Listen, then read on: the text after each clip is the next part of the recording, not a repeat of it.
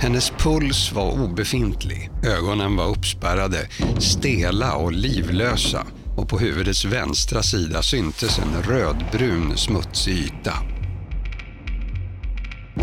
Sveriges största musiktävling drabbas av en tragedi. En ung sångerska hittas död kvällen innan sitt genombrott i TV. Hon blev mördad, säger polisen. Pojkvännen gjorde det, påstår media.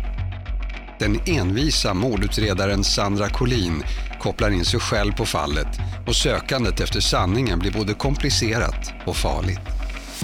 Vem vill tysta sångerskan? Och varför? Sveriges första poddbok, När mikrofonen tystnar, av Thomas Hansen i en inläsning av Peter Borossi i samarbete med förlaget Everlasting Publisher.